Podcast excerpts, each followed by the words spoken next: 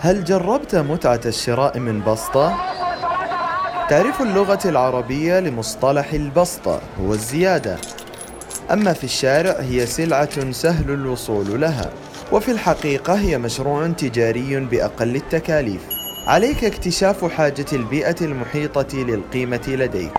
ابدأ بنشاط بسيط يطور محيطك. الآخر يسعد بما تقدم. لك منا أكثر من ثلاثين ثانية في المقابل عليك لنفسك ثلاثون دقيقة لاكتشاف قيمتك. حقك على نفسك أن ترضى عنها.